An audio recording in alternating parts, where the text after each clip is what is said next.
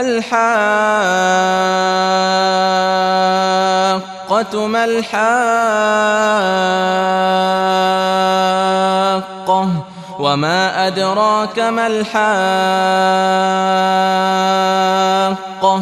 كذبت ثمود وعاد بالقارعة فأما ثمود فأهلكوا بالطاغية وأما عاد فأهلكوا بريح صرصر عاتية سخرها عليهم سبع ليال وثمانية أيام حسوما فترى القوم فيها صرعا فترى القوم فيها صرعا كأنهم أعجاز نخل خاوية فهل ترى لهم من باقية؟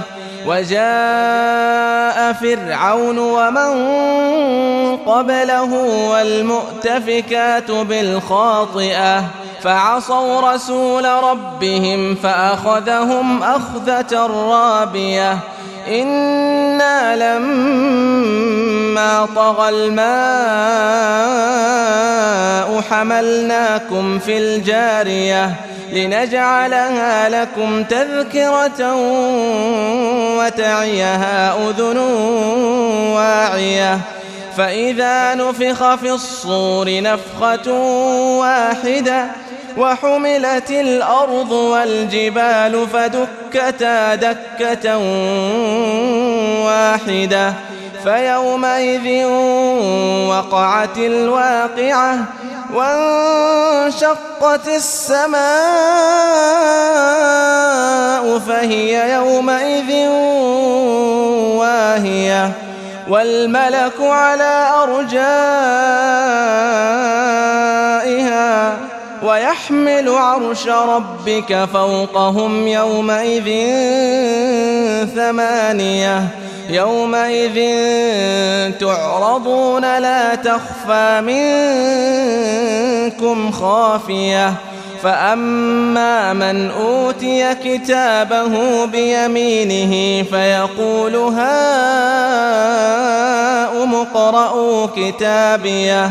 إني ظننت أني ملاق حسابيه. فهو في عيشة راضية في جنة عالية قطوفها دانية. كلوا واشربوا هنيئا بما أسلفتم في الأيام الخالية. وأما من أوتي كتابه بشماله فيقول يا ليتني لم أوت كتابيه ولم أدر ما حسابيه يا ليتها كانت القاضية ما أغنى عني ماليه هلك عني سلطانيه خذوه فغلوه ثم الجحيم صلوه ثم في سلسلة ذرعها ثم في سلسلة ذرعها سبعون ذراعا فاسلكوه إنه كان لا يؤمن بالله العظيم ولا يحض على طعام المسكين فليس له اليوم هاهنا حميم ولا طعام إلا من غسلين لا يأكله إلا الخاطئون فلا أقسم بما تبصرون وما لا تبصرون.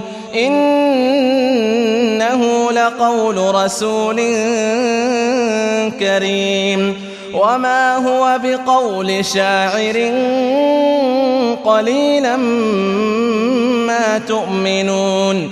ولا بقول كاهن قليلا ما تذكرون. تنزيل من رب العالمين.